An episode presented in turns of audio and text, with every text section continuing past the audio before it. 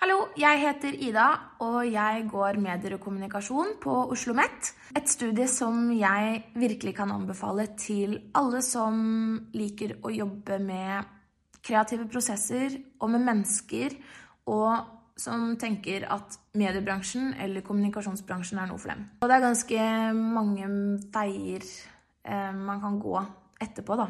For når jeg sier mediebransjen, kommunikasjonsbransjen, så er det alt fra kommunikasjonsrådgivning og eh, byråarbeid og liksom, kanskje til og med liksom PR helt på sida der, til mer medieproduksjon, reklame, TV-underholdning, nyheter, film, radio, you name it. Så det er veldig mange veier man kan gå etterpå.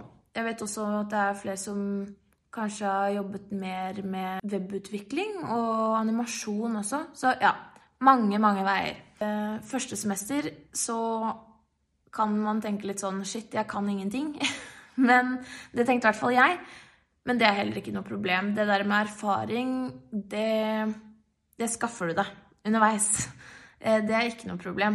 Eh, du blir en slags mediepotet. Og det betyr egentlig at du får valgmuligheter.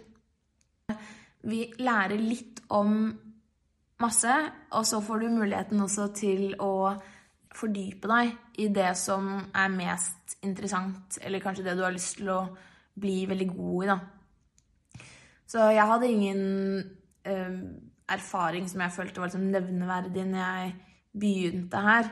Eh, og så bestemte jeg meg ganske sånn tidlig for at lydproduksjon, det vil jeg bli god på. Jeg kom fra musikk, jeg hadde tatt et år pedagogikk. Og jeg følte egentlig liksom at begge de to tingene kom veldig godt med um, etter hvert som jeg lærte meg mer og mer her.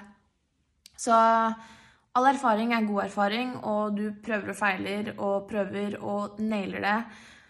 Og det er liksom Ja, en evig læringskurve her. Og det syns jeg er veldig gøy. Man blir hele tiden pusha, man pusher hverandre. Eh, til å tenke liksom nytt og gøy eh, om ting. Så hvis eh, du føler at det kan være noe for deg, så anbefaler jeg deg virkelig å søke dette studiet.